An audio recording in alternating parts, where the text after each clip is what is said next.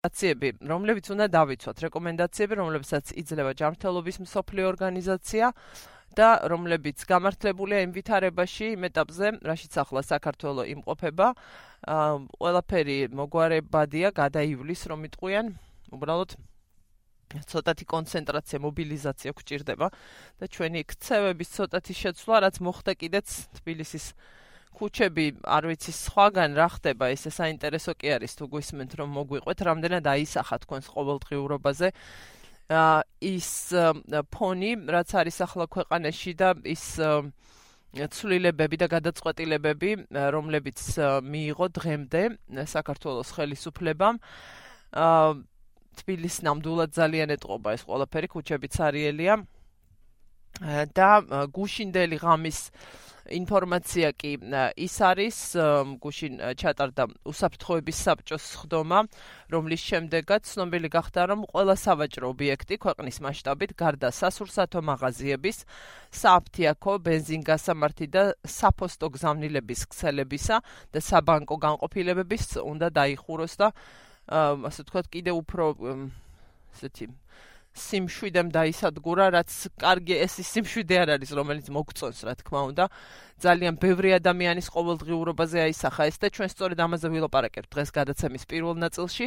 გეტყვით, რომ სტატისტიკა ოფიციალურ საიტზე, რომ რომელიც ასახავს მდგომარეობას საქართველოში, არ არის შეცვლილი წუხანდლის შემდეგ გულისხმობ კორონავირუსის დადასტურებულ შემთხვევებს 40-ია კვლავაც და იცით რომ ყოველდილით 11-ის ნახევარზე ახლდება ხოლმე ინფორმაცია ვისურვოთ რომ არ მოემატოს და გამოჯანმრთელებულების რაოდენობაც ოფიციალურად 1 არის каранტინის რეჟიმში იმყოფება 1575 ადამიანი, სტაციონარში მეთვალყურეობის ქვეშ 275 პირია. ვაგრძელებ გადაცემას და ვაგრძელებ ჩვენს პირველ სტუმართან ერთად ის გახლავთ რამას გერლიანი ჩვენი მუდმივი მსმენელისთვის და აუდიტორიისთვის კარგად ცნობილი ჩვენი ეკონომიკის ექსპერტი ეკონომიკის ტრანსფორმაციის ცენტრის პრეზიდენტი ბატონო რამას მოგესალმებით. მოგესალმებით ქალბატონო ამ საკმაოდ დიდი დრო ბოლო ეთერების დავუთმე საუბარს თვითონ ვირუსის შესახებ, რა ვიცით მის შესახებ, მის გავრცელების დინამიკაზე საუბრობთ, როგორ შეიძლება იმართოს პროცესი, რაც არის არის ძალიან მნიშვნელოვანი, როგორ უნდა მოვიქცეთ ჩვენ და ვიყენებთ ჩვენს ეთერებსაც ამისთვის ბუნებრივია. თუმცა ბევრი მსმენელი გვირეკავს და გვწერს და რა გასაკვირია, რომ ამ ცვლილებებმა და შეზღუდვებმა ძალიან ბევრი ადამიანის ცხოვრებაზე მოახდინა ზეგავლენა დრამატულიც და ძალიან კონკრეტულად შეიძლება ამის წარმოქმნა, გუშინაც გქონდა ასეთი ზარიც, მონაწერიც და ასე შემდეგ. მესმის შეიძლება რიცხვებში ახლა არ ვიცოდეთ რა ეფექტი მოახდინა ამ ღონისძიებებმა ქვეყნის ეკონომიკურ ცხოვრებაზე, მაგრამ გარკვეული სურათი მაინც შექმნილია და ასევე ვიცით გარკვეული ინიციატივებზე საქართველოს მთავრობისა.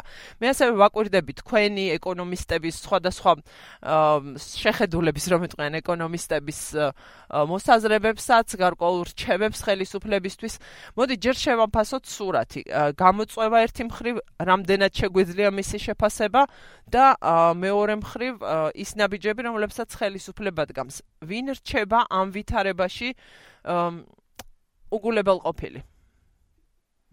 დასაკვირველია, გამოწევა ძალიან დიდია, იმიტომ რომ როგორც ვიცით, ცხოვრება და ეკონომიკური ზღად პროცესი ერთმანეთთან მუდმივ პროცესში არის ხო ჩართული და ერთად მიმდინარეობს შესაბამისად ნებისმიერი კატაკლიზმა და ეხლა საკმაოდ გლობალურ მდგომარეობასთან გვაქვს გლობალურ მდგომარეობის გაუარესებასთან გვაქვს საქმე და ეს პირდაპირ ეკონომიკებზე მოქმედებს ქვეყნების და მათ შორის გამონაკლისი ასაკულია საქართველოს არ არის და ლოგიკურია რომ იმ ქვეყნებისთვის ეს უფრო მძიმეც არის რომ რომ სადაც ეკონომიკური მდგომარეობა არც ის ესე ვთქვათ მანამდეც არ იყო კარგ მდგომარეობაში.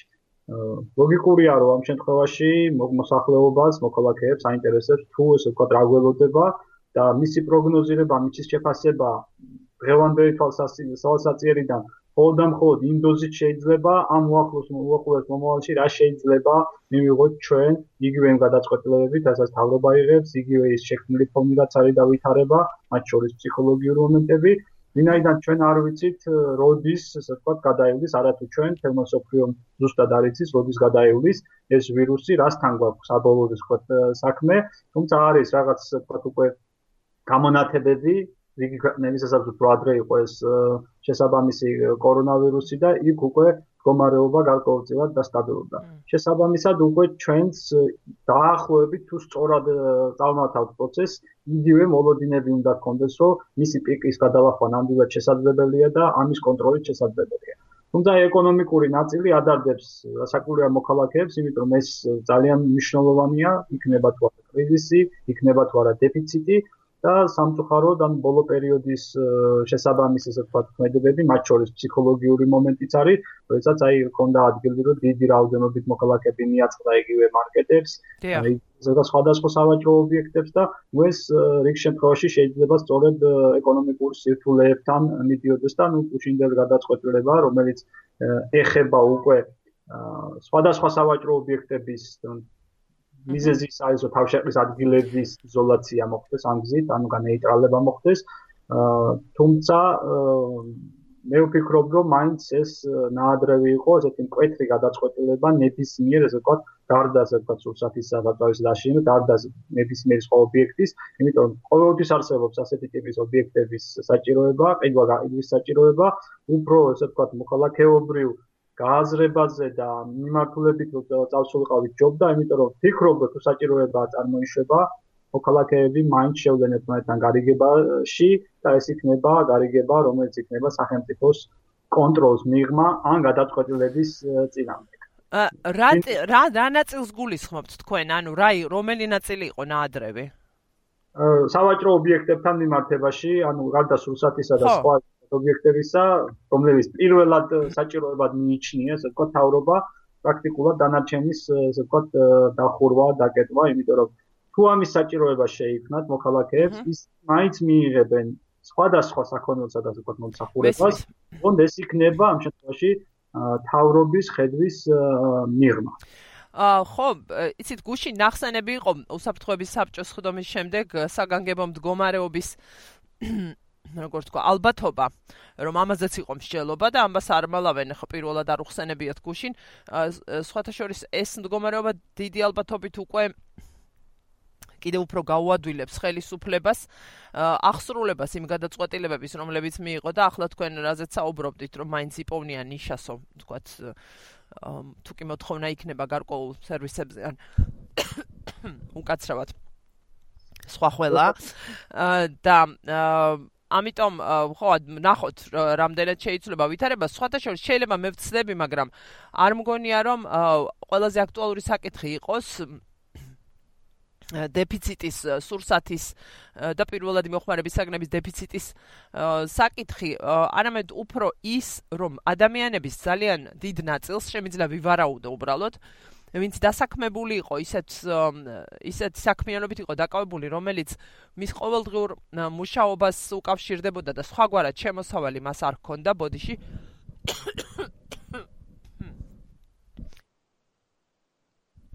ბოდიშს გიხდით ამიტომ ადამიანების მნიშვნელოვან ნაწილს გაუნულდა ყოველდღიური შემოსავალი იმათ ვისაც არ ქონდა ხელფასი. აი რა ეშველება ამ ხალხს? ან რა უნდა იყოს გაკეთებული მათთვის? აი ამ ტიპის პრობლემას, აი ამ ტიპის პრობლემას დასაკურდა ქმნის ძალიან მათ შორის ასე ვთქვათ შეიძლება შეიძლება საჭირო და ალბათ საჭირო, მაგრამ ის ესე ვთქვათ გადაწყვეტილებები, ამიტომაც ჩვენ ჯერჯერობით ჯობდა რომ ძალიან ასე ვთქვათ ისევ რეკომენდაციებით და მოქალაქეობრივ მაღალ თვითშეგნებაზე გვემოქმედა ვიდრე ესე ვთქვათ ბევრი ობიექტის თანამშრომელი პრაქტიკულად დაგვეტოვა შემოსავლის garaშე. თუმცა აქ უნდა აღვნიშნოთ, მოდი სურათი ცოტა გავშალოთ. დიახ.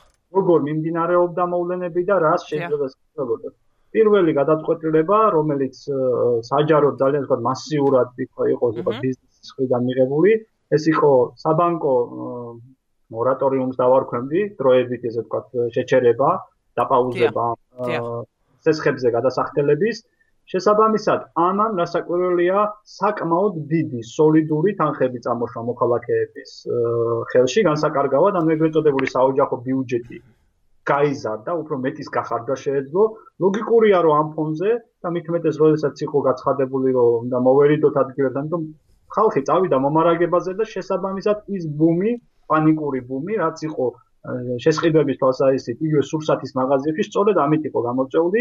დეფიციტი ნამდვილად არ არის მოსალოდნელი, იმიტომ რომ უნდა ჩამოვაყალიბოთ და მოქალაქეებსაც უნდა ესე ვთქვათ აუხსნა. პირველი ჩვენ ძალიან დიდი ქონდა ტურისტული ნაკადები. ტურისტული ნაკადი არ გვაქვს და ჩვენი შესაბამისი ესე ვთქვათ, თელი ლოჯისტიკა, თელი ესე ვთქვათ, მიწოდება იყო მორგებული, რომ ადგილობრივი მოქალაქეები პლუს ვიზიტორები და ტურისტები. ყველაზე ამარაგები. ხო ესეა.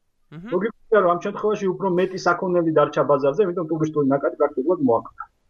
მეორე, როდესაც ამ ტიპის ესე ვთქვათ მომარაგებას აწარმოებ და ძირითადად უფრო გძელვადიანი გამძლეობის პროდუქტებზე იყო მოთხოვნა. დასაკვირვეს გამოიწვევს სხვა მალფუჭება შედარებით მალფუჭება და პროდუქტები, მათი ფასები არ ამსწროს დისკენ, ამე დასტაბილურდება შეიძლება კლებაც კი კონდეს. ან თავიდან მოქალაქეებს სწორედ ამას ეუბნებოდით, აფრთხილებდით სოციალურ ეს პანიკო დეფიციტის საშიშროება ამ ეტაპზე ნამდვილად არ არის და არც მაშინ ესე ვთქვათ არსებობდა. ეს გამოწეული იყო რომ მეტი თანხა დარჩა რამაც ორი მიმართულებით მიიღო ასე თქვა ძირითადი არხი. პირველი ადამიანმა რაღაც ნაწილი გადაისროლეს და შეიძინეს ეს სურსათი იმიტომ ყოფილიყვნენ უძროყოფილი მოქალაქეებმა. ხო ნაწილია ამ თანხიდან რაც მორჩათ ასე უფრო ანდო კონვერტირებად ვალუტისკენ მიმართეს და გარდა ამისა რა ხანამხელა მოთხოვნა იყო გასაკუთრებით ძირითადი საქონლო ჩვენს ბაზარზე არის იმპორტირებული და შესაბამისად იმპორტთან მიმართებაში სწორედ იგივე მეწარმეებმა სხვებმა გაზარდეს დოლარზე მოთხოვნა. და სამწუხარო ის არის ამ შემთხვევაში, რომ რეალურად ეს გადაწყვეტილება წესით და რიგით ეროვნულ ბანკს უნდა ცოდნოდა. ეროვნულ ბანკს უნდა ქონოდა კონსულტაციები ბიზნესთან. ის არის თავარი მარეგულირებელი და ამ პერიოდში ის გარდა იმისა რომ უზარმაზარი რესურსები დარჩა ასე ვთქვათ ლარისა და ლარის მასა იზრდებოდა პარალელურად ძდიდა ასე ვთქვათ ლარის მასას და რამაც მიგვიყვანა იქამდე რომ კოლოსალურ ასე ვთქვათ ისტორიულ მაქსიმუმზე ავიდა გაცვლითი კურსი. ან ლარი ასე ვთქვათ გაუფასო.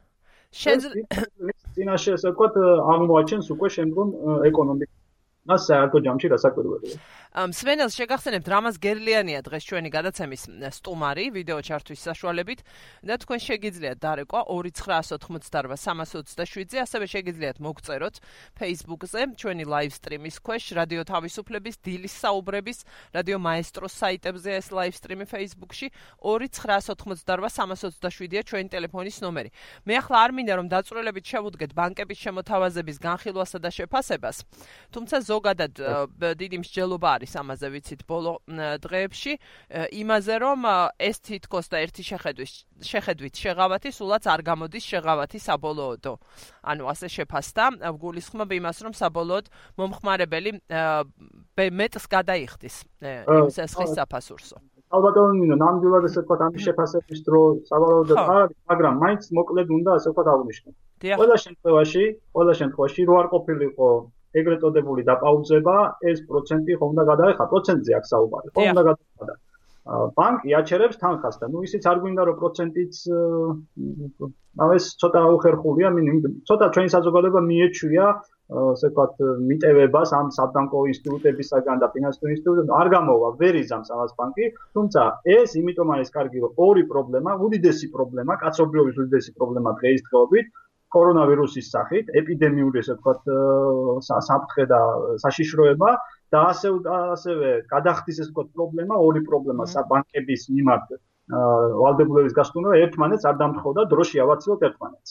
ან მიზანი არის ის რომ მოქალაქეებს ამ ეტაპზე კონდეთ ეს რესურსი, ფულადი რესურსი ისთვისაც დაჭირდება სხვადასხვა მიმართულებით და მათ შორის ჯანდაცვის ესე ვთქვათ მიმართულებით, ხოლო ეს პერიოდი რო გაივლის მე უკვე ვთქვათ მიხედავენ მეორე ასევე საქართველოსი პრობლემა დაღიარებულ ნაწილს.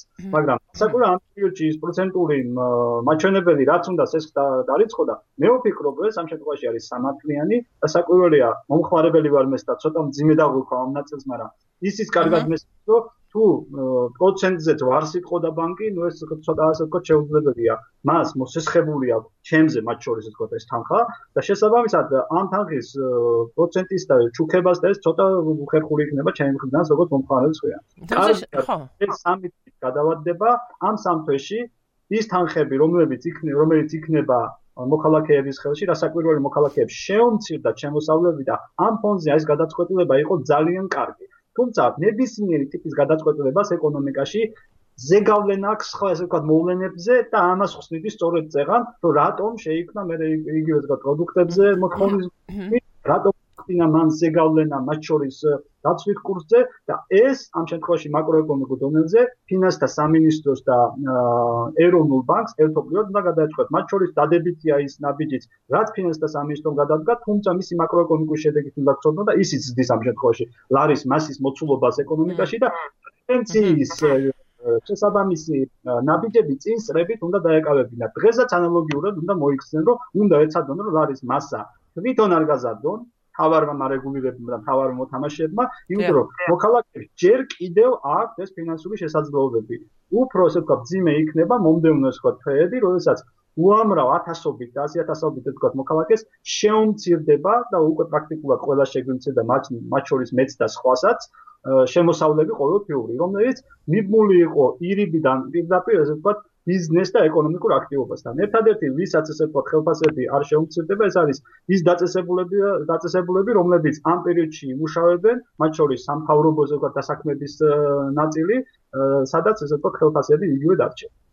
რამაზ გერლიანია ჩვენი სტუმარი და მსმენელი ყავს ხაზზე ბოდიში გალოდინე დილამშვიდობის. გამარჯობა გალოდონინო. გამარჯობა გისმენთ. ბატონო რამაზ. მოგესალმებით. ბატონო რამაზ, ჩვენ ხედავთ რომ არსებულ სიტუაციაში ეს კითხვა მოხდა დემოკრატიულ ქვეყნებში ხელისუფლება მიდის გამსანაბიჯებს გაუქმდა საკომუნალური გადასახადები ძალიან ბევრ სახელმწიფოში მოქალაქეებისთვის.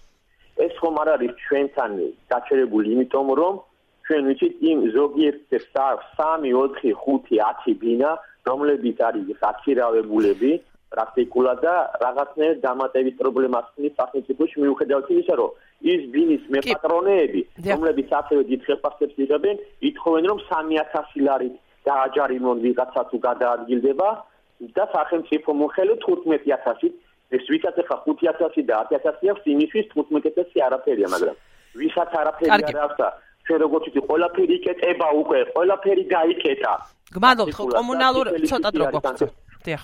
არა, არა, კითხვა მაქვს ესეთი. დასვით ერთი, ხო. ესეთი კითხვა მაქვს, როცა ამერიკის შეერთებული შტატები იღებს 1 ტრილიონს და 500 მილიარდს უშვებს იმაში, რომ მოქალაქეებს, ამერიკის მოქალაქეებს სულზე მისცეს 1000 დოლარი. ჩვენთან როგორ უნდა ეს მოხდეს ესეთი რაღაც? როგორ გაძლო? გავიგე შეკითხვა, გავიგე, გავიგე. დრო გვაქვს ბოდიში. გავიგე შეკითხვა კომუნალურების თაობაზე გუშინ მოგწერა კიდეს ერთმა ჩვენმა მაყურებელმა. რამდენად შესაძლებლად თulit ამას საჭიროება რომ არის? ამაში მეჭვი არ მეპარება ძალიან ბევრ ადამიანს ექნება ხა ამის საჭიროება.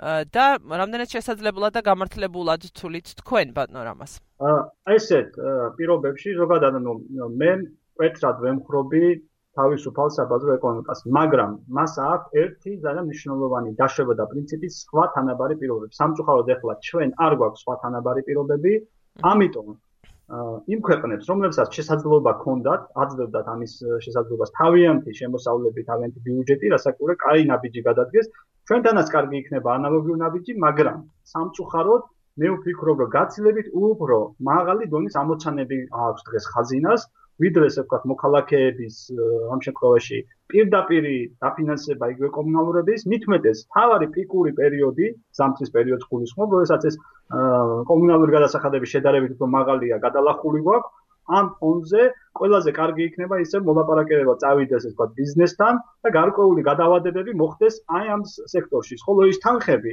ჯერ არ ვიცი გაგველოდება მაქსიმალურად უნდა მოახდინოს აკუმულირება ხელისუფლებამ სწორედ რომ პირდაპირ უშუალოდ ამ ესე ვთქვათ ეპიდემიური საფრთხის წინაშე საბრძოლო მედიკამენტები იქნება დაწესებულების კეთილი მოწყობა იქნება და ამ მიმართულებით უნდა მიმართოს ძირითადად და რასაკვირველია თუ იქნება შესაძლებლობა ბიუჯეტის გადაადგილების შედეგად მოქალაქეებს, რომლებსაც არ აქვს შესაძლებლობა, უნდა დაეხმაროს, რომ პირდაპირ დახმარებას გულისხმობ და არა მარტო ესე ვთქვათ ამ შემთხვევაში კომუნალური. რაც შეეხება აი 9 პროდუქტის ამბავი, ასე ვთქვათ, რომლის ფასებიც დააზღვია თავისი გადაწყვეტილებით ხელისუფლებამ, რამდენად შესაძლებელია ეს ამისი კონტროლი, იცით რა, რა პრინციპითაც ხომ, რომ თქვა ლარის გაუფასურება არ შეეხოს, უბრალოდ ლარის კურსის ვარდნა დოლართან მიმართებით არ შეეხოს 9 პროდუქტის ფასებს. და ამ ამ ცვლილებას თუ სხვაობას ხელისუფლება აუნაზღაურებს მეწარმეებსო. აი ამ გადაწყვეტილებაზე რა სიტყვით? კლასიკური სუბსიდიის მაგალითი არის ამ შემთხვევაში. კი, ასეც უწოდეს, კი. სექტორს და ნუ ამ ვითარებაში მე ზოგადად სუბსიდიების წინამდე скептикურად ვარ განწყობილი, თუმცა ამ ვითარებაში ესეც ერთ-ერთი ზოგადად გადაწყვეტილება იყო ზოგადად მათი მხრიდან, და ვფიქრობ, რომ ისენ ძიმედ არ დააზარალებს ეს ამ შემთხვევაში სექტორს, როგორც კიდევ კაირო არავის არ მოუვიდა ესე ვთქვათ კვეთრად ეს გადაწყვეტილებაში მოყვანა ამის კი კონდათ ამის მოსაძლება რომ ფასები ეკონტროლებინა ფასის კონტროლი კატეგორიულად მიუღებელი იმიტომ მივიღებ კვეთ დეფიციტს და პრაქტიკულად ბაზარს გავანადგურებ აი როდესაც სუბსიდიაზე არის ესე ვთქვათ საუბარი ეს სუბსიდია ჯერ კიდევ დასაშვებია მაგრამ ეს არ არის სწორი და სწორედ ამას ვახსენებდი. თუ მოქალაქეებს საჭიროება აქვს ჯობია შენ მოქალაქე მიცე ეს თანხა როგორც აკეთებენ სხვა ესე ვთქვათ ქვეყნები ის გადაწყვეტს მე მისთვის ეს ცხა პროდუქტია არის ესე ვთქვათ სტრატეგიული და იმ წუთას რა ჭირდება თუ მეოცე პროდუქტი ჭირდება თუ მეხუთე. ანუ ეს ამ მიმართულებით უფრო სწორი იქნებოდა ხელისუფლებას ეხლა პირველ რიგში ჭირდება გადახედვა სახაზინო ასე ვთქვათ შესაძლებლობების. პარლამენტი უნდა იძდეს და მუხლიდან მუხში გადაქონდეს თანხები აბსოლუტურად მინიმუმზე გადაიყვანონ ყველა ადმინისტრაციული ხარჯი, ყველა ადმინისტრაციული ხარჯი, მათ შორის შესყიდვების ნაწილიც.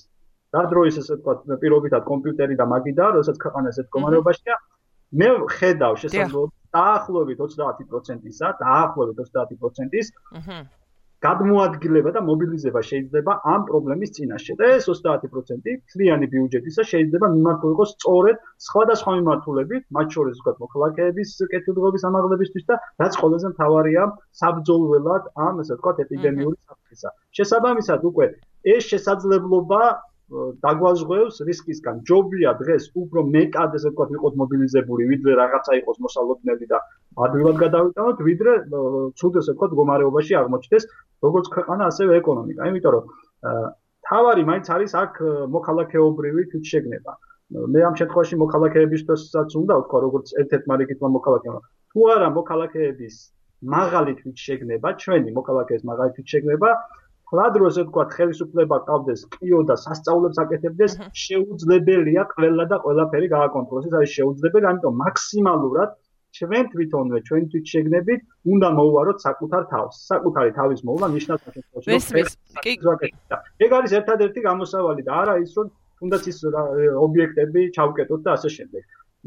ეს ეკონომიკას კიდევ უფრო ვარეს მდგომარეობაში ჩააგდებს და შემდგომ უკვე რასაკვირველს იქნება ძალიან დიდი პრობლემა და რაც ყველაზე მთავარია, გარდა ბიუჯეტის გადაადგილებისა, დიახ, ტექნოლოგიურ გადასახადებზე და სხვა ტიპის ასე ვთქვათ იმებზე რო არის საუბარი, ამათ შორის ხელფასების შემცირებაზე და ზოგან საერთოდ ხელფასების გაუქმებაზე, ხელისუფლებამ უნდა მიიღოს გადაწყვეტილება და უნდა გააუქმოს დროებით, რასაკვირველს არ ნიშნავს აბსოლუტურად დროებით სასემოსავლო ასე ვთქვათ, გადასახადი პირველ რიგში. ეს არის ყველაზე მასიური განშტოებრივი გადასახადი და მას ექნება დადებითი ეფექტი ამ ეკონომიკური. ხო, მესმის, პირდაპირ მხოლოდ მათზე არ ექნება ეფექტი, ვისაც შემოსავალი აქვს, მაგრამ ვისაც შემოსავალი სულ არ აქვს, მისთვის ეს შეიძლება დიდად არაფერს ნიშნავდეს და დღეს არიან ადამიანები და კიდევაც მოგწერეს ახლა კიდევ, რომ ვინცა ესეთ კიდევ მეორე ყოველდღიურ საქმიანობაზე იყო დამოკიდებული დღემდე და დღეს ვეღარ მუშაობს ამის გამო და აქვს ნოლი შემოსავალი. არ აქვს დანაზოგი, არ ქონდა დანაზოგი, იმიტომ რომ მესმის ახლა ბევრი თეორია ამ დაზოგვაზე, მაგრამ ახლა ამაზე მსჯელობის დრო არ არის. ვერ მოახერხა, მცირე ჰქონდა შემოსავალი, ძლივს წუდებოდა საკვებს და კომუნალურს, რომელიც ვიცით რომ ძალიან დიდი ხარჯია. რა ქნას იმ ადამიანმა? ის არის სოციალურად დაუცველთა სიაშია.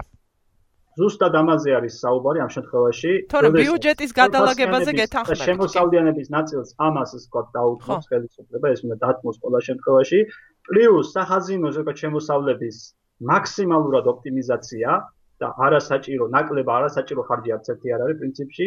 ბევრს ხედავთ ხოლმე ხელისუფლებების შეცდომაზე არასაჭირო ხარჯებს აკეთებ მაგრამ ამ ეტაპზე მაქსიმალურად უნდა გადმოათამაშოს აქეთ სახაზინო ესე ვთქვათ შესაძლებლობები და უკვე მას შემდგომ ვისაც ეს შემოსავალი არა აქვს ანუ საყოველთაო დახმარებას იგივე შტატების მაგალითი იყო და სხვა ქვეყნების სამწუხაროდ ჩვენი ქვეყანა ვერ შეძლებს. საყოველთაო დახმარებას მაგრამ ვისაც შემოსავალი არა აქვს იმ ადამიანის დახმარება შეიძლება და ის რომ სხვა მოქალაქეებს მეტი ესე ვთქვათ რესურსი დარჩებათ, ესეც თუნდაც ჩვენი ადათ წესებიდან გამომდინარე დადებით ეფექტს მოახდენს სხვა ესე ვთქვათ ნაკლებ შემოსავლიან ესე ვთქვათ მოქალაქეებს, იმიტომ რომ ის ვისაც ეკნება მეტი, თავისთავად რაღაც დახმარების ხელს თვითონაც გაუწოდებს იგივე მოქალაქეობრივ მართლობას. თუმცა ამის მედად არ უნდა ვიყო. რა საკვირველია ხელისუფლება ყველას ვერ დაეხმარება ხაზნიდან, საერთო ესე ვთქვათ, ყოლაბიდან, ამიტომ ამ ნაწილს უნდა ასე თქვა შეუწყოთ იმ გზით ხელი რომ ეს კომუნალური ასე თქვა პირველ რიგში კომუნალური კი არა საშემოსავლო გადასახადი უკაცრავად უნდა ასე თქვა შეჩერდეს. საპენსიოს დაგროვების ნაწილიც უნდა დავაპაუზოთ იმიტომ მოქალაქეების ეს ხარჯია და შესაბამისად დანარჩენი ოპტიმიზაციის გზით მიღებული რესურსიდან იმ ადამიანებს, რომელსაც ამის შესაძლებლობა არ აქვს, ხო არა მოწყვიტავს არა საკუთარ მოქალაქეებს თუ ეს საჭიროება დადგა იმით უქონლობით და შიმშილით. მათ მიმართ უკვე შეიმუშავებს უკვე შესაბამისად როგორ შეიძლება მოხდეს მათი ყოველდღიურობიან ალბათ ამ გადაწყვეტილებას დილამ ეთერში ზარი გვაქვს კიდევ თუ დაგველოდა. დილამშვიდობის დიახ გამარჯობა. მადლობა და ბოდიში გალოდინეთ. გამარჯობა ბატონო რამას.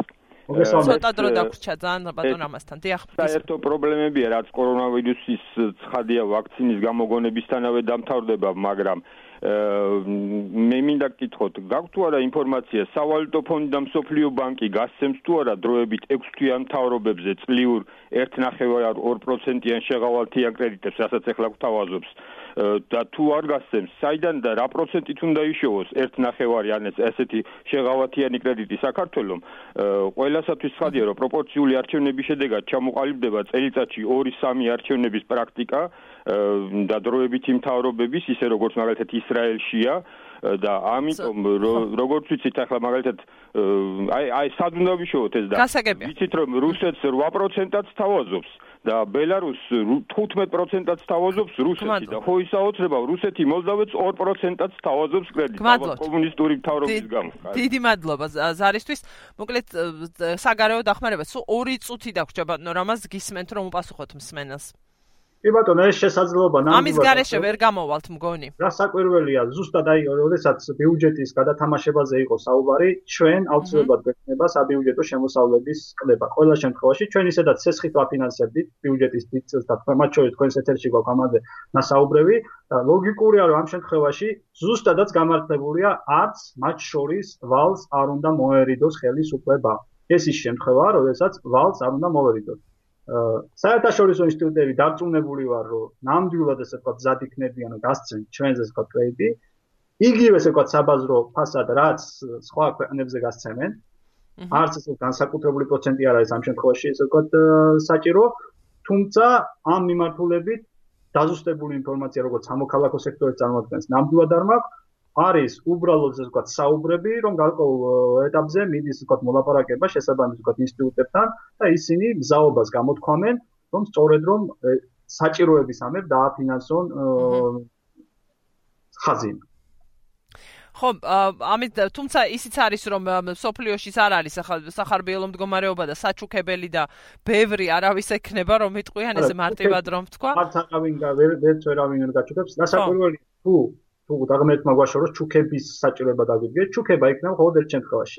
ჩვენთან თუ ძალიან გართულ დავითარება, ძალიან, აი ჰუმანიტარული ხასიათი რო უკვე შეიძინოს და მსოფლიომ დაიწყოს ეს. ღმერთმა გვაშოროს, იქამდე მიგვივიდეს საქმე, რომ საჩუქებელი გავხდეთ. მოდი ესე ვთქვათ, იმიტომ რომ კი ბატონო. საჩუქებელი რომ მივა საქმე, ესე იგი ძალიან ცუდად გვაქვს საქმე და მე ვფიქრობ, რომ მაღალი საზოგადოებრივი თვით შეგნება და დროული ესე ვთქვათ პრევენციული ესე ვთქვათ ნაბიჯების გადადგმა გასაკვირველი ამ შემთხვევაში მოგცემს იმას რომ ჩვენ ამ პიკურ ესე ვთქვათ მომენტს გადავლახავთ. ამისთვის სწორედ არის ადმინისტრაციული რესურსის მობილიზება არა იმ მართლობით რომ სად რა ესე ვთქვათ გავაჩეროთ, არამედ როგორ შეიძლება დროსა და სივრცის სწრაფად გამოვალვიოთ, მოახდინოთ იზოლაცია, დათვალადი იყოს, პროგნოზირებადი იყოს, სწრაფი ესე ვთქვათ ტესტირება ამ მიმართულებით. არ იყოს ხო სტეკიურ. მობილობა ჭირდება ხელისუფლებას ამ შემთხვევაში. შესაძლოა რაღაც ბიუროკრატიული ბარიერებია მაგრამ ესენიც საგანგებო რეჟიმში უნდა გადავიდნენ.